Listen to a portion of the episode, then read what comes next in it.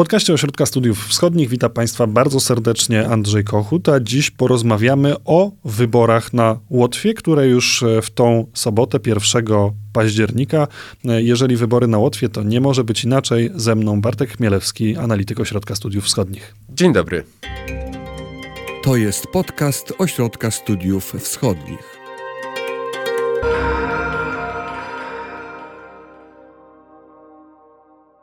Umówiliśmy się przed tą rozmową, że nie będziemy się zagłębiać w programy poszczególnych partii i nie będziemy się starali zarzucać słuchaczy nazwami tych partii, bo jest ich 19? Tak, w tym roku, e, ten rok jest wyjątkowy, ponieważ e, w tych wyborach jest 19 komitetów, e, jest to trzy więcej niż 4 lata temu, ale tym, tą różnicą jest też to, że w tym roku do parlamentu może wejść nawet 13 partii, tak wskazują sondaże. Dlatego nie planujemy się w to zagłębiać, ponieważ e, przedstawienie samych tych partii zajęłoby nam pewnie dobrą godzinę i nic ciekawego, wartościowego by pewnie e, Państwu, naszym słuchaczom nie przyniosło. Natomiast chciałem Cię zapytać, skąd takie rozdrobnienie, skąd tak dużo tych partii, zwłaszcza tych partii, które mogą wejść do e, przyszłego parlamentu. E, z naszej polskiej perspektywy wydaje się to zupełnie absurdalne. Tutaj łotewski parlament y, zawsze był tak, y, y, może nie aż tak rozdrobniony, ale w, pojawiało się tam sporo różnych ugrupowań, czasem ugrupowań sezonowych. W tym roku jedną taką różnicą jest to, że mamy dość dużo ugrupowań populistycznych, małych, które funkcjonują na granicy progu wyborczego część z nich lub e, część członków tych ugrupowań to są pozostałości, to są byli kandydaci takiej partii, która kandydowała, która brała udział w, w wyborach e, sprzed czterech lat. Nazywała się e, Do kogo należy państwo? Kampiedr Walc. E, no i na, na mm, trupie tego ugrupowania powstało, powstało kilka mniejszych ugrupowań, które, które e, właśnie mogą wejść w tym roku do parlamentu. Czym się zajmują populiści na Łotwie? E, te partie w dużej mierze próbowały swoją kampanię budować lub powstały na fali e, niechęci do ograniczeń covidowych e, i, i niechęci do pandemii. Część z tych ugrupowań to też są ugrupowania okołooligarchiczne. Tu takim przykładem jest e, partia e, e, Łotwa na pierwszym miejscu, Latwia Pirmaja Wieta, która nawiązuje nazwą do, do amerykańskiego hasła, do, do hasła Donalda Trumpa America First. To jest ugrupowanie, którego liderem jest jeden z tak zwanych łotewskich oligarchów. Tutaj e, mm, używam słowa oligarcha, ale nie, niekoniecznie, niekoniecznie to jest e, tak w takim rozumieniu jak oligarchowie rosyjscy czy ukraińscy. No właśnie, bo my kiedy słyszymy oligarcha, to myślimy oczywiście o tych oligarchach, którzy przed wojną meblowali ukraińską politykę. To są, to są um, przedsiębiorcy, biznesmeni um, o dużych wpływach politycznych, którzy też próbowali meblować um, łotewską politykę, ale, ale półtorej dekady temu. Oni potem zniknęli, część z nich zniknęła z firmamentu politycznego, ale teraz wracają i właśnie ta, ta partia Łotwa na pierwszym miejscu. Jej liderem jest Einars Schlesers. Oprócz y, niego mamy też jeszcze jedno takie ugrupowanie, które można byłoby nazwać oligarchicznym. To jest partia e, Zalo Unzemnieku Savieniba, czyli, e, czyli Związek, Związek Zielonych i Rolników. I to jest partia, której symbolem, której takim, taką lokomotywą wyborczą jest e, Ivar Slembergs.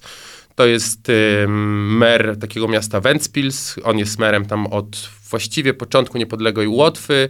I to jest człowiek, który, który dorobił się na pośrednictwie w handlu z, z, ze wschodem, a jednocześnie obecnie jest, e, o, obecnie nałożone są na niego amerykańskie sankcje, a ostatnio spędził rok w więzieniu. A teraz wyszedł z powrotem i próbuje e, wyciągnąć swoją partię z powrotem do parlamentu na wysokie miejsce. Ale żeby zdobyć te wysokie miejsce w parlamencie, trzeba poprowadzić dobrą kampanię. Wokół czego kręci się kampania wyborcza na Łotwie w tym hmm. roku? Tutaj e, moglibyśmy powiedzieć, że ta kampania odbywa się trochę z Rosją w tle. E, dlatego, że po pierwsze, jednym z problemów, które poruszali e, politycy i które, które bolały Łotyszy, jest to, co dotyczy też innych państw europejskich, czyli zwiększające się ceny e, energii, ale też wysoka inflacja e, na Łotwie.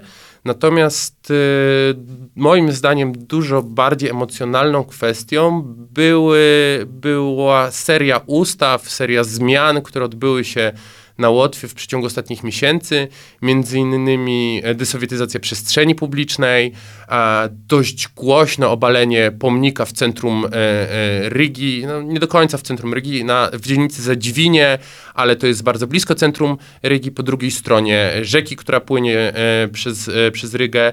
I to też była taka kwestia, która dzieliła, dzieliła polityków, dzieli społeczeństwo. Dużo było dyskusji o edukacji, e, ponieważ e, po pierwsze e, jest niedobór pedagogów na Łotwie, ci pedagogowie też nie, nieodpowiednio wysoko zarabiają, ale też była dyskusja wokół lettonizacji szkolnictwa, czyli zmiany nauki z trybu um, dwujęzycznego, bilingualnego, ponieważ niektóre szkoły uczą też w języku rosyjskim na Łotwie, do wprowadzenia języka łotewskiego jako powszechnego e, w, we wszystkich szkołach e, łotewskich. I... Co jak rozumiem jest częścią tego większego zagadnienia, o którym powiedziałeś, że ta kampania się toczyła z Rosją w tle. Tak. Mieliśmy pomniki, mieliśmy język, język w szkołach. I mamy jeszcze jedną rzecz, czyli mamy reformę um, obrony narodowej, reformę służby, służby wojskowej na Łotwie, który, której pomysł e, też powstał na fali, e, na fali e, trwającej wojny na Ukrainie.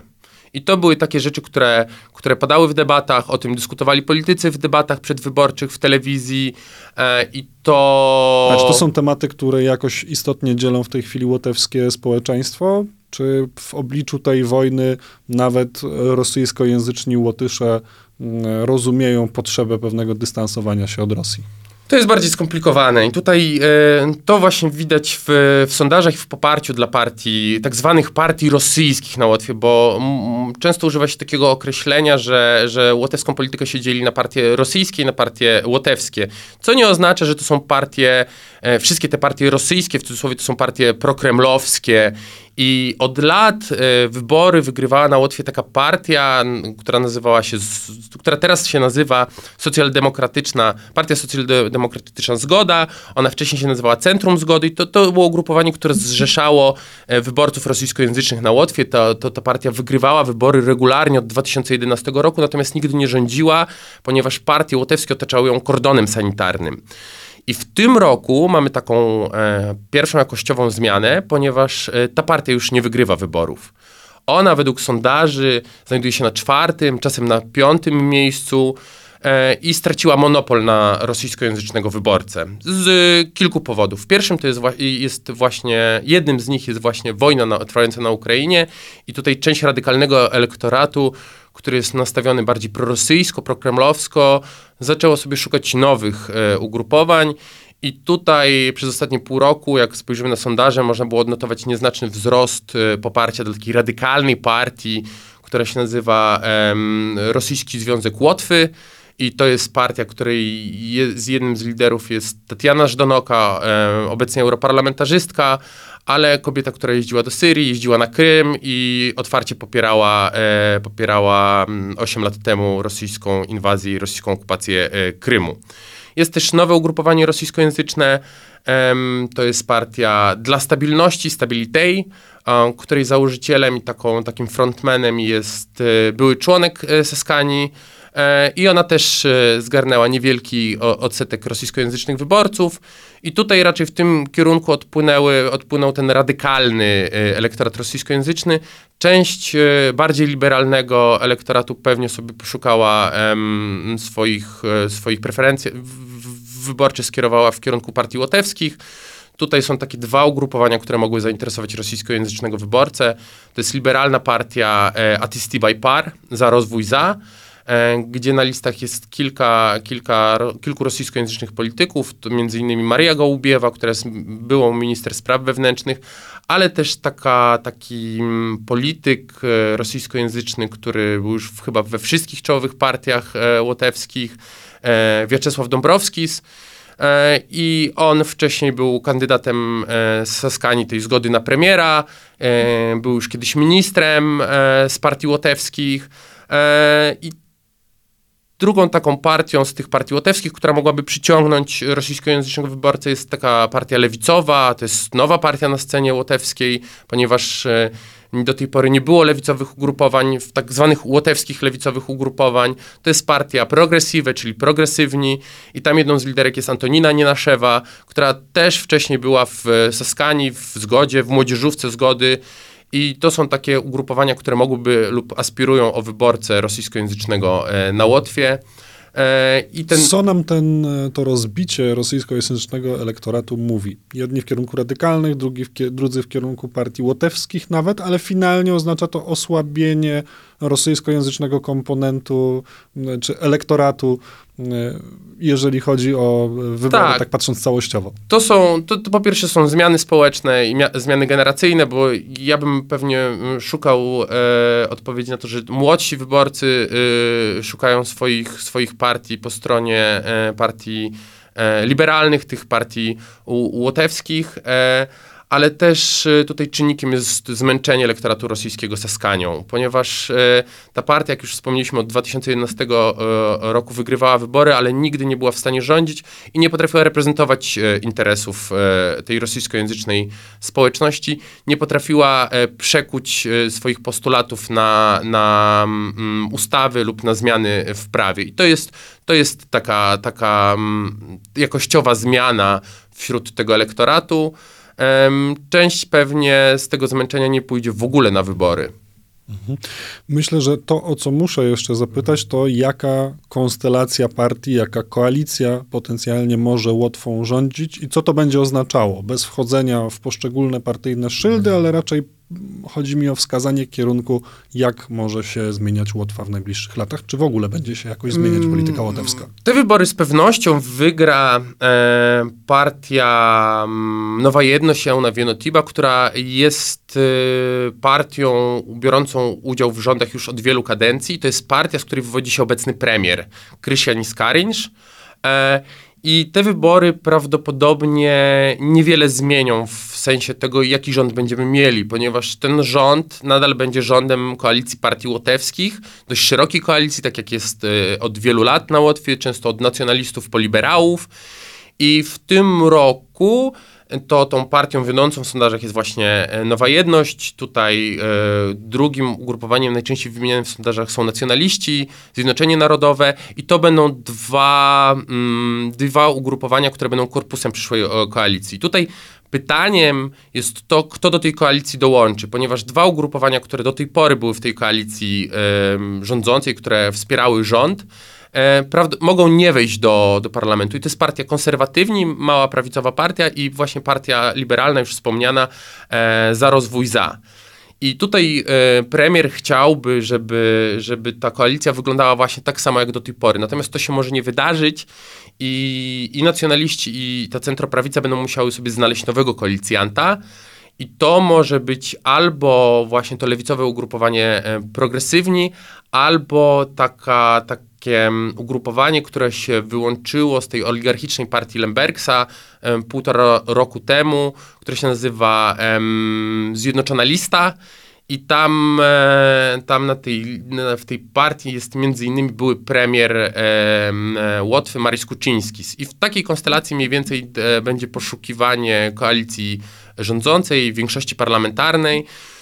Tutaj może się okazać, że będzie dość trudne stworzenie większości i ono może potrwać nawet do końca roku, a niektórzy politologowie wskazują, że e, rząd, nowy rząd może powstać dopiero po nowym roku. Natomiast jeżeli chodzi o samą politykę, to ja bym wskazywał na to, że to będzie raczej kontynuacja. Z tego, co można znaleźć w komentarzach w łotewskiej prasie i też z tego, co rozmawiałem z łotewskimi politologami, wygląda na to, że premierem będzie nadal Krysianis Skarinsz, są jeszcze e, wspomniane dwie alternatywy. Premierem może zostać, e, o, są takie plotki, że premierem może zostać obecny minister spraw zagranicznych e, Edgar Rynkiewicz, który jest tym ministrem już od 11 lat, ale też pojawiają się takie plotki, że jeżeli w, do parlamentu wejdzie to liberalne ugrupowanie Atisti by Par i, i to zależy od tego, jak się potoczą rozmowy koalicyjne, premierem mógłby zostać obecny minister obrony narodowej Artis Pabriks. I to są takie trzy kandydatury pojawiające się w mediach, natomiast y, przyszłe, przyszłe rządy będą raczej kontynuacją ze względu na to, że te prawicowe partie, które teraz tworzą rząd, te dwa ugrupowania będą najwięk- prawdopodobnie największymi ugrupowaniami po wyborach i to prezydent y, im przekaże e, misję tworzenia rządu. Bartek Mielewski był dzisiaj gościem podcastu Ośrodka Studiów Wschodnich. Bardzo Ci dziękuję za rozmowę. Dziękuję, do widzenia. Państwu jak zwykle polecam śledzenie naszych podcastów, również filmów, które regularnie pojawiają się na YouTube, a także strony internetowej OSW. Tam również niemal codziennie pojawiają się nowe analizy i komentarze. Ja nazywam się Andrzej Kochut. Do usłyszenia. Wysłuchali Państwo podcastu Ośrodka Studiów Wschodnich. Więcej nagrań można znaleźć na stronie www.osw.waw.pl.